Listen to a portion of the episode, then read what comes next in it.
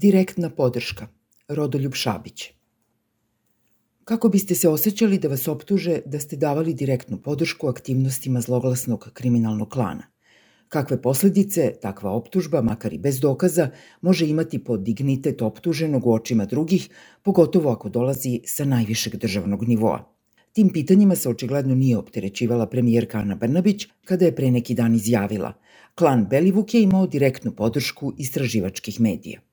Tu njenu izjavu sam i javno za medije ocenio kao neodgovoran, skandalozan postupak, kao direktan atak na slobodu izražavanja i slobodu medija, a indirektan, ali opasan atak na bezbednost, gotovo poziv na linč istraživačkih medija i novinara koji u njima rade.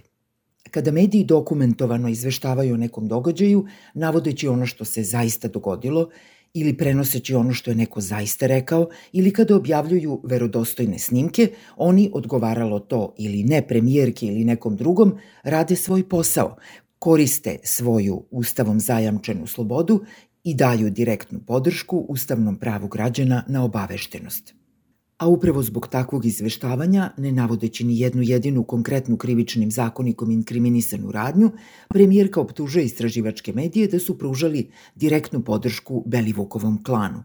Faktički ih markira kao kriminalce, sa izvršioce, pomagače u izvršenju najtežih krivičnih dela. A budući da ne navodi ni jedan konkretan medij, optužuje ih praktično sve – Istraživački mediji i njihovi novinari su već dugo predmet organizovanih napada od strane tabloida bliskih vlasti i od nje finansijski podržanih. Organizovano i sistematski ih napadaju i ti mediji i neki funkcioneri, nazivaju ih stranim plaćenicima i neprijateljima Srbije, čak ih pokušavaju povezivati sa kriminalnim grupama. Ali bar do sada ih niko, a pogotovo funkcioner najvišeg ranga, nije optužio za direktnu podršku kriminalnom klanu. Član 33 krivičnog zakonika predviđa da će i oni koji bitno doprinesu izvršenju krivičnog dela biti kažnjeni kaznom predviđenom za neposrednog izvršioca, što u konkretnom slučaju klana Belivuk podrazumeva najteže višegodišnje zatvorske kazne. Da li to premijerka stavlja u izgled novinarima? Hoće li ih kao saučesnike sa izvršioce teških krivičnih dela prijaviti nadležnom tužilaštvu, jer je po krivičnom zakoniku to dužna da uradi? Neće, naravno, budući da za takvu prijavu očito nema nikakvog osnova i dokaza, ali uprkos tome njena optužba će bar neke uznemiriti i izazvati efekat autocenzure.